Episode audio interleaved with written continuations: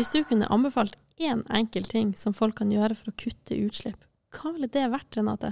Det er faktisk ikke så veldig komplisert, eh, Tiril. Da vil jeg si at uh, vi må slutte å kaste mat. Hvis vi bare spiser opp uh, den maten vi kjøper, så kan vi kutte veldig store utslipp i alt fra produksjon av mat og til uh, transport av all den maten som faktisk da ender i bosset. Ja, selvfølgelig, Renate. Det er jo egentlig et veldig enkelt tiltak. Eh, akkurat på den der fronten så føler jeg jeg har lært veldig mye fra Instagram. Der er det en konto som heter Spis opp maten, med vanvittig mange enkle og kjappe triks for å kaste mindre mat. Og det er jo også vanvittig godt for eh, studentbudsjettet mitt. Jeg tror eh, flere har eh, behov for gode tips for å minke matbudsjettet for tiden. Og vi snakker selvfølgelig nå om Mette Nygaard Havre, som står bak Spis opp maten, og som vi i Klimapartnere også kjenner som bærekraftsjef i Elmera Group, eller Fjordkraft. Eh, så vi er veldig glad for at Mette skal være gjest i podkasten i dag. Hun har jo jeg kjent til lenge. Selv om jeg ikke kjenner henne gjennom Klimapartnere, så har jeg kjent henne gjennom eh, Instagram-kontoen. Så jeg eh, syns hun er en kjempeinspirerende person, og gleder meg veldig mye til hva hun har å fortelle. Jeg er Renate Nedregård, leder i Klimapartnere Vestland og programleder for denne podkasten. Og jeg er produsent Tiril Amalie Johansen. Og du hører på Operasjon nullutslipp. Velkommen, Mette Nygaard Havre. Du har jo mange baller i luften, og vi kjenner deg både fra ditt personlige engasjement og som bærekraftsjef i Elmera Group. Eh, hva er Elmera Group? De fleste kjenner nok Elmera Group som Fjordkraft Holding, så det er rett og slett morselskapet til bl.a. Fjordkraft, som eh, nå har skiftet navn til Elmera Group. Og det er mange som kjenner til eh, Fjordkraft, men eh, for de som ikke gjør det, hva driver Fjordkraft med? Ja, Fjordkraft er jo først og fremst et strømselskap som kjøper og selger strøm til forbrukere. Har et stort marked både på privat og på bedrift. Så der skjer det mye spennende. Ja, og for oss i Klimapartnere så kjenner jo vi Fjordkraft som en av våre partnere som har vært med lenge, og som virkelig har tatt en rolle som pådrivere i klimasaken, også utover seg selv. Og da skal vi gå noen år tilbake i tid. Vi skal faktisk helt tilbake til 2016, og i klimasammenheng så er det ganske lenge siden. Da eh, startet dere initiativet Klimansjaro, som dere faktisk fikk en FN-pris for.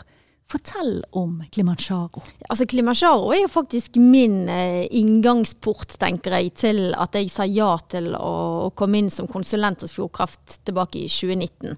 Fordi jeg syns det var fantastisk det som de hadde gjort der. Og, og det som Fjordkraft da hadde gjort, det var jo å stille krav til alle sine leverandører om klimanøytralitet. Og i det så lå det at ville du være leverandør til Fjordkraft, så må du faktisk lage klimaregnskap du må lage en tiltaksliste for hvordan du skulle redusere utslippene dine. Og så var det et ønske om at man også da skulle kjøpe kvoter for de utslippene som man hadde, for å da bli klimanøytral. Ja, og dette var jo ikke noe som dere fant på selv. Det var jo etter en uh, oppskrift dette var jo etter oppskriften til FN sin Climate Neutral Now. Og eh, det var jo det som var bakgrunnen til at Fjordkraft da fikk denne her FN sin klimapris i 2018. Det er jo egentlig helt fantastisk at et norsk selskap har fått det. Og, og grunnen til, og jeg sier de, for dette, var jo, dette er jo lenge før jeg kom inn i Fjordkraft, så jeg har jo ikke hatt noe påvirkningskraft på dette her i det hele tatt. Men eh, det var jo eh, noen der da, i toppen som bestemte seg for at vi må finne ut Ja, vi er et strømselskap, vi har ikke veldig store utslipp utslipp eh, bare med det som vi holder på med. Men hvordan kan vi være med og prøve eh, å nå FN sine bærekraftsmål og være med på Parisavtalen? Og det var da det var nok Arnstein Flaskerud som eh, sitter på strategi i Fjordkraft, som fant ut at jo, vi kan faktisk bruke musklene våre og stille krav til leverandørene våre. Og, eh, og, det var ganske sånn tøff avgjørelse som de gjorde den gangen i, eh, i, eh, i, ledergruppen. For det var ikke bare bare å komme med de her kravene. Altså vi, det er som du sa i starten, Renate. Sånn, 2016 det begynner faktisk å bli noen år siden. Og så var det vel fra 2018-2019 at det ble liksom helt Da måtte alle leverandørene levere det inn. De fikk litt sånn tid til å ta inn over seg det her først. og så måtte de levere på det fra 2019, mener jeg det var. Uh, og, men, men, det er ikke mange leverandører de mistet den gangen, som ikke på en måte ville uh, ta de her kravene. Men det var veldig mange selskaper den gangen tilbake i 2018-2019 som måtte begynne å lage klimaregnskap som ikke hadde gjort det før. Og da får du en ganske stor effekt. Og det er jo denne dominoeffekten i verdikjeden som er så utrolig spennende med dette initiativet. Men eh, fortell litt mer. Hvor mange var det egentlig snakk om som eh, fikk dette kravet på seg? Det var alle, I første omgang så var det alle leverandørene. Og per nå så er det godt over 200 leverandører som har, på måte, har laget klimaregnskap og gjort de her tingene da for at de skal faktisk få lov til å være leverandør til Fjordkraft. Og så har det jo vært noen diskusjoner med noen selskaper opp igjennom? Så, som kanskje ikke har ønsket å kjøpe kvoter, eller vært andre ting som har gjort at de, ja, de har måttet strekke seg litt for at de skal, skal faktisk bli, bli klimanøytrale. Jo, og eh, når eh, dette da ble rullet ut, så var det sikkert noen eh, som eh, måtte gå noen runder med seg selv eh, og lære seg litt om eh, både klimaregnskap og sitt eget klimafotavtrykk. Og så var det andre igjen som rett og slett plukket opp ballen og satte i gang på egen hånd. hvilke effekter så dere av dette? Nei, og Det er jo det som har vært så fantastisk. da. Jeg tenker det At Fjordkraft kan være med å skubbe og få andre selskap til å stille krav videre. Så selskap som vi stilte krav til, begynte da å stille krav videre til sine leverandører. Og det er jo da du har denne fantastiske dominoeffekten som man har ønsket. Og så har vi jo sett nå de siste årene. Mye har jo skjedd, og, og mye har skjedd bare nå de, de to siste årene. Men det er jo flere og flere som begynner å stille krav til leverandørene sine på ulike måter. Og så tenker jeg nå, nå er vi blitt mye mer flink helhetlig på bærekraftsfeltet, og det er mye vi kan gå inn på, både og på S-en og på G-en, der vi faktisk kan gå inn og stille krav. Så det der at man bruker musklene sine eh, i leverandørleddet, det, det, er utrolig viktig. Og Det vi har eh, sett fra våre partnere også andre, er jo at eh, det har blitt veldig mye mer kunnskap. Og de fleste har hørt om Scope 3. Helt altså klart. de indirekte utslippene i verdikjeden. Og for, som for jordkraft, for veldig mange selskaper, så er det jo nettopp i de indirekte utslippene, i utslippene i verdikjeden, at det største klimafotavtrykket ligger. Ja, og det er det vel, sånn er det vel for veldig veldig mange bedrifter at det er der det ligger. Men da er det jo akkurat det der hva, hvor, hvordan kan man faktisk begynne å pirke da, og stille noen krav. Og, og, selvfølgelig se på seg sjøl, men også da se på de som man samarbeider med. Men bare en sånn liten ting. Det, vi har jo da også viet det her ut. Det er ikke bare lenger leverandørene det stilles krav til. Fjordkraft har vært en ganske stor eh, sponsor for eh, mange eh, både idrettsklubber og, og, og, andre altså på sosial bærekraft. Og der stilles det også krav om at de må lage klimaregnskap, og de må lage en tiltaksliste. Og det syns jeg er utrolig gøy, da. At eh, også i Fjordkraft og i, nå i Elmera Group, så på en måte så fortsetter denne ballen å rulle. Og her har vi jo et eh, eksempel fra en annen klimapartner, Sparebanken Vest, som også har vært med i eh, denne podkasten Operasjon nullutslipp, som har blitt direkte inspirert av dere og stiller krav til sine samarbeidspartnere og leverandører. Og da har vi jo en ordentlig god effekt. Og det er jo litt gøy når vi kan få det til som klimapartnere. Sant? At vi kan eh, inspirere hverandre. Ingenting er jo bedre enn det. Og dette er enormt inspirerende, Mette. Men, og nå sier jeg men, fordi at vi lærer jo ting underveis. Eh, og på klimaområdet så eh, har det skjedd en utvikling, og det skal det gjøre. Fordi at eh, vi har stadig dårligere tid. Vi må stille stadig strengere krav. Eh, men det som skjedde for dere fra at Klimasjaro fikk en pris, så ble dere plutselig beskyldt for grønnvasking. Hvordan snudde det? Ja da, eh, det var vel tilbake i 2019 faktisk at det var noen som beskyldte Fjordkraft for grønnvasking. Og, det gikk jo egentlig på litt med det her kvotekjøp. Sant? Skal man kunne kjøpe seg på en måte klimanøytral? Og så er det jo ikke bare Fjordkraft som har fått kritikk for det. Og vi har nå klart å vise våre kritikere at det er meget helhjertet det som ligger bak eh, det, det løftet som vi har og kravene vi stiller. Men FN begynte også å få en del kritikk, og de mente jo eh, at denne her Climate Neutral Now ikke var god nok lenger. Så det som har skjedd, og som du sier, heldigvis så går jo verden framover. Eh, mye har skjedd siden eh, bare på de to siste årene.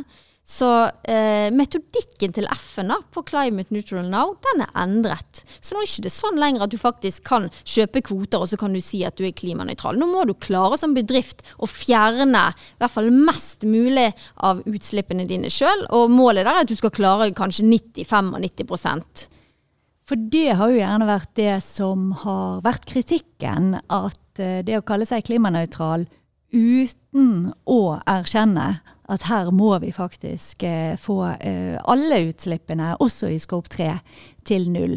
Eh, og at det er en naturlig del av det å stille strengere krav. Og så tenker jeg før, eh, før vi går videre, Mette, fordi det er noen ord og begreper her, så er det lett å gå i surr i. Fordi at noe av kritikken mot klimakvoter, det handler jo om Snakker vi om det samme? Hva er en kvote, og hvor effektiv er det? Vi har jo heldigvis, for dere som er, hører på som er veldig interessert i dette, så har vi en episode så dere kan gå inn og høre på hvor Inky Brown fra PwC forteller ganske grundig om dette med kvoter. Men jeg vet at eh, du, Mette, også har en ganske sånn klar eh, oppfatning om eh, forskjell på kvoter og kvoter. Ja, og, og jeg anbefaler veldig den eh, episoden med Inki, for det har jeg hørt på sjøl. Men det som vi gjorde i Fjordkraft, det var jo å si at eh, det var ikke nok for oss med å, å stille krav til leverandørene om, om at de skulle kjøpe FN-kvoter. For det at veldig mange av FN-kvotene de blir ekstremt billige. Og det blir da Altså da liksom lener det nesten mot grønnvasking.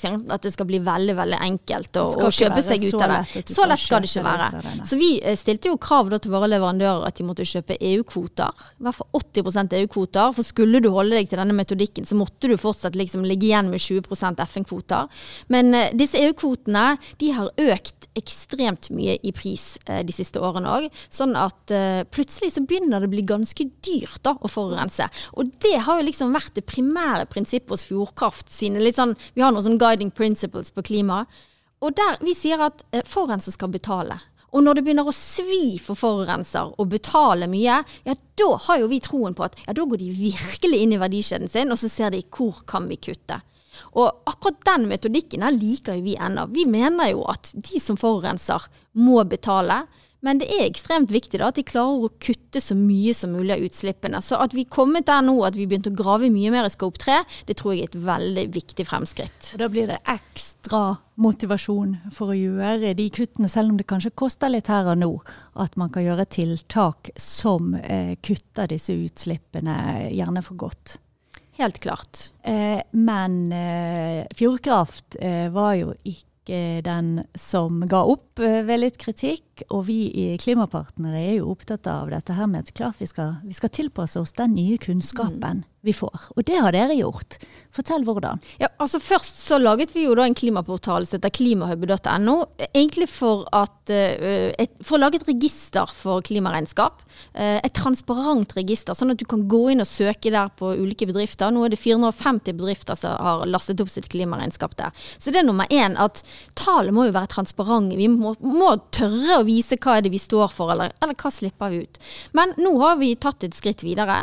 Uh, vi har eh, laget oss faktisk et nytt klimaløfte. Så vi har gått bort ifra at vi nå stiller krav til leverandøren om klimanøytralitet. Men vi lover nå at alle våre leverandører skal være klimaforpliktet. Og da blir det sånn med en gang Hm, hva vil det si å være klimaforpliktet? Har dere bare byttet ut på en måte noen ord her? Uh, men å være klimaforpliktet til da Elmera Group, da må du som leverandør fortsatt lage klimaregnskap. Og du må fortsatt lage denne tiltakslisten. Eh, Vi ønsker også at det skal svi litt økonomisk, så at man kjøper kvoter for, for de utslippene man har.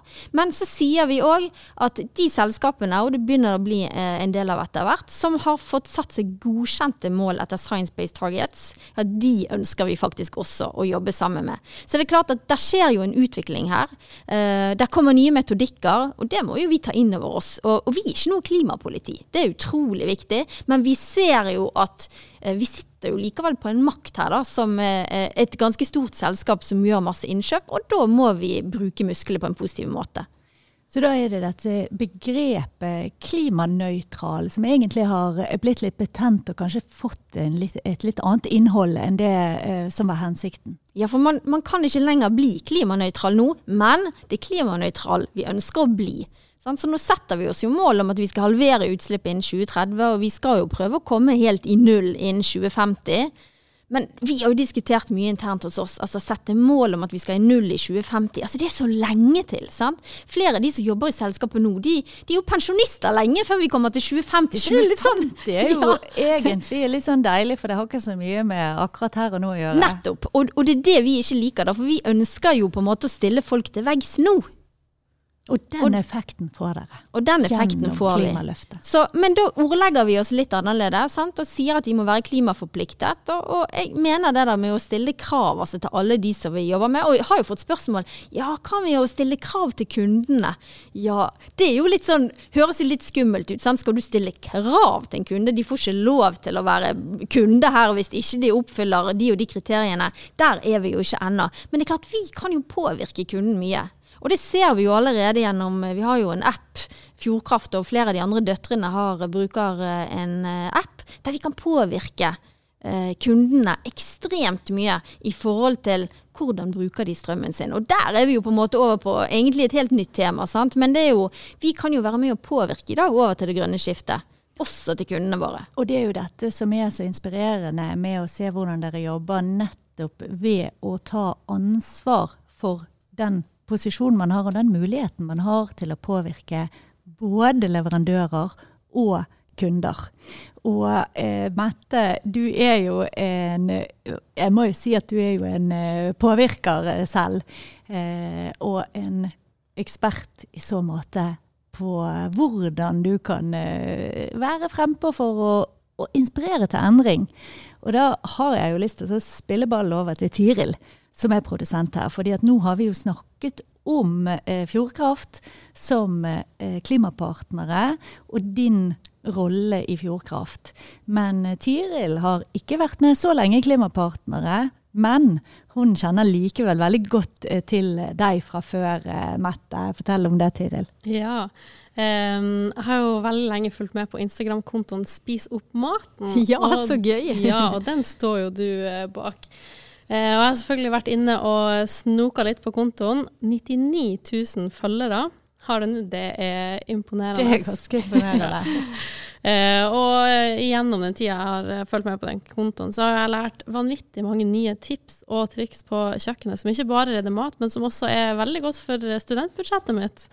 Eh, som bl.a. å sette purreløken i et eh, glass vann, sånn at den vokser ut igjen. Eh, og veldig masse nyttig om holdbarhetsdatoer. Eh, blant annet så eh, har du vært med å stå bak best før, men ikke dårlig etter på melkekartongene. Eh, men du er nødt til å fortelle litt. Hvordan starta det hele?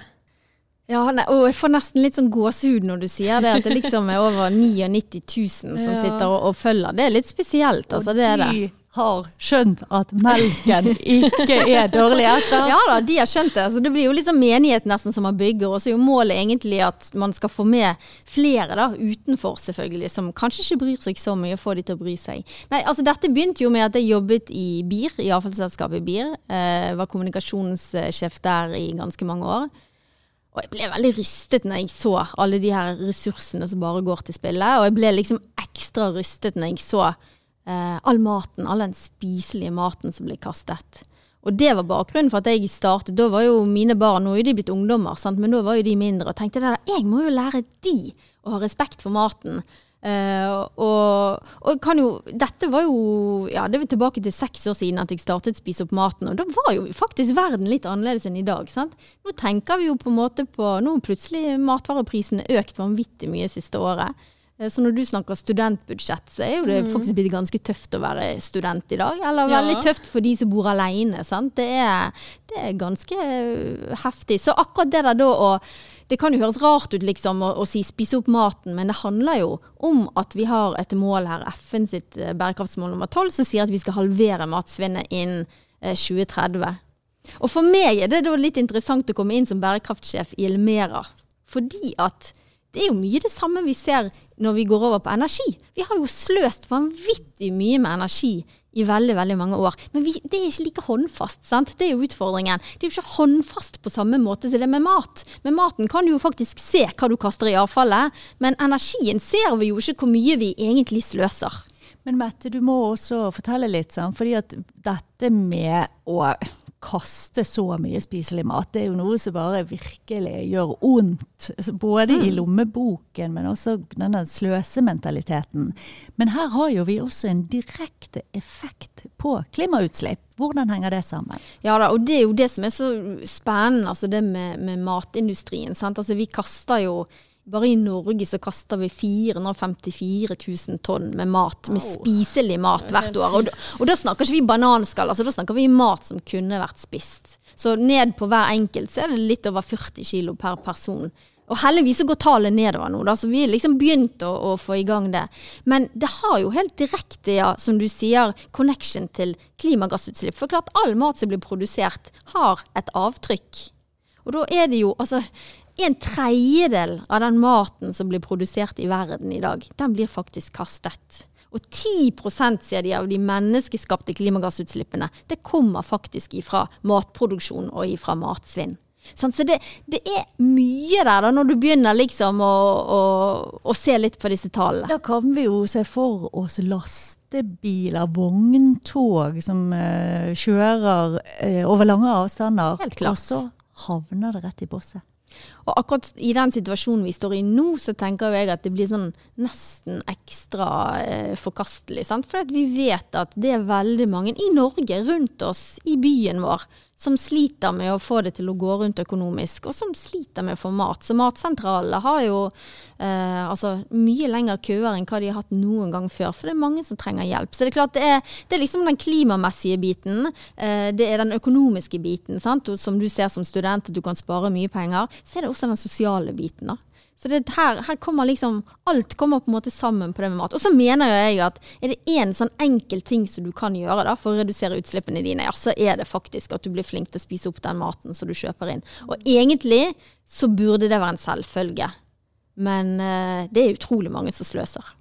Vi må jo bare oppfordre alle som hører på til å gå inn og finne denne Instagram-kontoen med fantastiske gode tips. Eh, spis opp maten. Men eh, nå når vi har deg her, Mette, eh, hva er ditt beste tips til å få det til, da? Jeg tror jo at alle vi får litt sånn derre oh, Litt dårlig samvittighet, ja. for vi er ikke flinke nok. Jeg så det på deg nå, Renate. Og, men det er jo ikke meningen egentlig å gi folk dårlig samvittighet. Jeg tror det er mer denne meningen å bare det viktigste her er faktisk at du begynner å få litt fokus på det.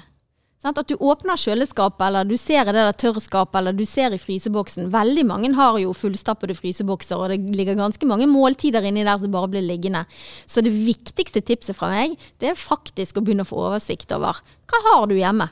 Og, og, hva kan du eventuelt lage av det? Og så er det mange som sier nei, men det er så vanskelig å være så kreativ. Og nei, uff, nei, vi tør ikke. Vi må ha en oppskrift å holde oss til helt sånn fast. Men det er faktisk ganske gøy da, hvis du begynner å eksperimentere. Og, og uh, ulike smaker. Det, alt trenger ikke alltid å passe sammen. Man kan ha en tapas med mye rart forskjellig av restemat som man setter på bordet. Og uh, mine unger i hvert fall syns jo det er helt topp når de kan, kan blande litt uh, ulikt. Ja, for det er jo litt av poenget. At eh, dette er ganske gøy. Når du først eh, begynner å se hvilke muligheter man har, og hva du kan få ut av det. Og så, Tiril, ikke minst eh, få litt ekstra på studentbudsjettet. ja. Men det er veldig greit med altså Sånn som med denne Instagram-kontoen også, eh, når du sier det at eh, man sliter med å være kreativ og finne på og sånn. Eh, så det er veldig greit at sånne som deg eh, viser akkurat hva det er du kan gjøre. Så kan du ha det bak i hodet litt, og så vet du på en måte når du skal åpne kjøleskapet, da, Eh, så mm. trenger du ikke å finne på ting sjøl, fordi at du har allerede vist hva man skal gjøre. Ja da, og det er jo en av de viktige tingene, tenker jeg. Og der syns jeg sosiale medier sin kraft er fantastisk. For det er jo, og der òg til de som tenker at TikTok bare er dansing og synging og andre ting. Altså det er fantastisk mye bra matlaging på TikTok. Mm. Så både på Instagram og på TikTok så blir man jo inspirert. Og ja, altså man kan bli inspirert til å bli mye flinkere generelt i sin egen hverdag på mange ting. sant? Om det handler om å rydde eller bruke mindre strøm, eller det handler om å spise opp maten. Så, så det syns jeg er en av de positive tingene med sosiale medier. Hvis du skal se på hva du har fått til med det initiativet, fra den eh, frustrasjonen som du, du, du så når du så avfallsmengdene eh, papir, og der som Spis opp maten har kommet i dag. Det er en folkebevegelse, Mette. Ja. Eh, hvordan vil du oppsummere det viktigste du har fått til med eh, dette prosjektet ditt? Det er vel at jeg ble en litt annen stemme, da, fordi jeg har jo ingen matfaglig bakgrunn. Jeg er utdannet journalist og lærer og jobbet som kommunikasjonssjef i et avfallsselskap. Men jeg tror jeg, jeg kom på en måte med en, en, litt annen kunnskap og viste realiteten. Jeg tror noen ganger så må vi tørre å vise hvordan er realiteten. Uh, og kanskje litt nesten de stygge bildene òg, for at folk skjønner at her må vi endre oss. Så, men, men det er noen ganger så blir jeg litt sånn og tenker nei, men har jeg forandret noen ting i det hele tatt? Men så ser jeg at jo, jeg har faktisk vært med å bidra. Og jeg tror det kanskje er det viktigste sånn å si til alle, da, at Uh, hvis det er en posisjon man vil ha, da, så må man faktisk bare ta den posisjonen. Og Det var det jeg egentlig bestemte meg for fra Lille Bergen, at jeg har lyst til å ha en nasjonal posisjon på det. Jeg vil få folk med til at vi skal klare å redusere matsvinnet. Så jeg tror jo ofte så kan man, bruker man stemmen sin på en positiv måte, så kan man virkelig være med og, og skape endring. Og Mette Nygaard Havre, du har jo virkelig lykkes i å bruke stemmen din, både som bærekraftsjef i Elmera Group, morselskapet til Fjordkraft, og med initiativet Spis opp maten. Og nå, nå har jeg lyst til å bli litt eh, personlig, Mette. Hva er det som driver deg? Ja, det er jo et godt spørsmål. Um, og, og, da kan jeg jo ikke svare, hvis jeg skal være helt sånn personlig, liksom min sånn innerste, innerste som kanskje noen syns er litt flåsete, da, men jeg er grådig glad i vinteren. Oh, jeg er ja. veldig, veldig glad i å stå på ski. Det er det aller beste jeg vet. Eh, jeg møtte mannen min når vi sto på ski. Eh, jeg har barn som elsker å stå på ski. Det, liksom, det binder vår familie sammen. Det er det beste vi gjør. Og eh, mine barn er ekstremt redd for at vinteren skal forsvinne. Så det er nesten altså min sånn viktigste fanesak oppi det hele her. Da. Jeg ønsker at vinteren skal bestå for kommende generasjoner. Den treffer Mette. Vinteren. Den skal vi ta vare på. Og da handler det jo om å kutte utslipp. Og nå eh, klimamålene vi har satt oss. Og da er jo vi eh, så opptatt i Klimapartnere av at eh, hvert tonn teller, som eh, Kikki Kleiven mm. har vært så flink å minne oss på. Eh, og det vi ser fra ditt arbeid, er jo nettopp det å gå løs på der hvor eh, disse utslippene faktisk finnes. Der som man som både privatperson og i et selskap kan se at klimafotavtrykket vårt er stort, og hvor vi kan gjøre noe med det. Og da har jeg lyst til å eh, spørre deg litt, og så kanskje vi skal eh, ta den utfordringen eh, videre. Hvordan er det mulig da for ledere å ta den posisjonen og bruke den posisjonen for å oppnå resultater i klimaarbeidet? Nei, jeg tenker jo at her, Heldigvis da, så er jo bærekraft nå på en måte kommet på agendaen på en helt annen måte. Det er ekstremt viktig at vi nå ser at det kommer mer regulatoriske endringer, eh, som gjør at vi får økonomene på banen òg.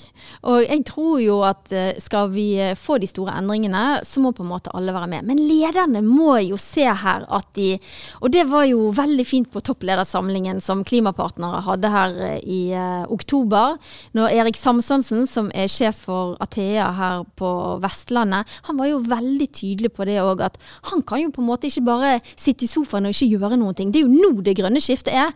Og han må jo være med og bruke på en måte sin kraft til å skape endring. Og det tror jeg er ekstremt viktig. At uansett hva for et selskap du er inne og leder, så kan du være med og gjøre en forskjell.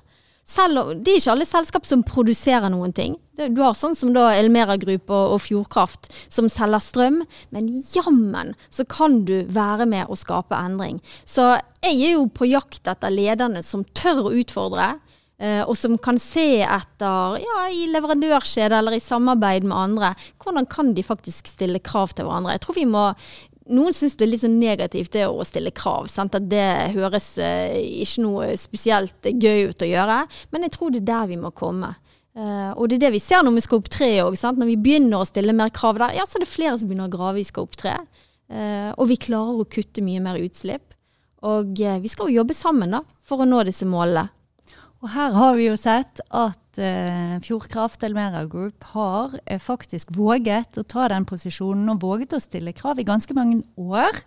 Og mm. eh, reaksjonene har vel eh, ikke vært eh, så aller verst. Reaksjonene har jo egentlig vært supergode. Altså, det er jo blitt tatt imot med åpne armer. Og tenker det viser jo òg at hvis man tør da å våge, som du sier, hvis man tør å på en måte være litt annerledes og tør å stille krav, så er ikke det sikkert at det blir faktisk negativt mottatt. Og akkurat nå så er jo veldig mange selskaper ute. og Vi snakker jo mye om bærekraft, og vi tenker at alle snakker om det. Men det er mange av de små og mellomstore bedriftene som fortsatt lurer litt på deres plass, og hva skal de gjøre. Så jeg tror jo at hvis de faktisk får noen krav, da, det er ting de må levere, eller f.eks. bare så enkelt som å lage et klimaregnskap, så tror jo jeg at det er kjempebra. For da kan det skape endring hos de. Jeg har eh, lyst til å si tusen takk for den vanvittige inspirasjonen. Og sånn som konkret utfordring. Eh, våg å ta den posisjonen. Eh, våg som leder å faktisk eh, stille krav.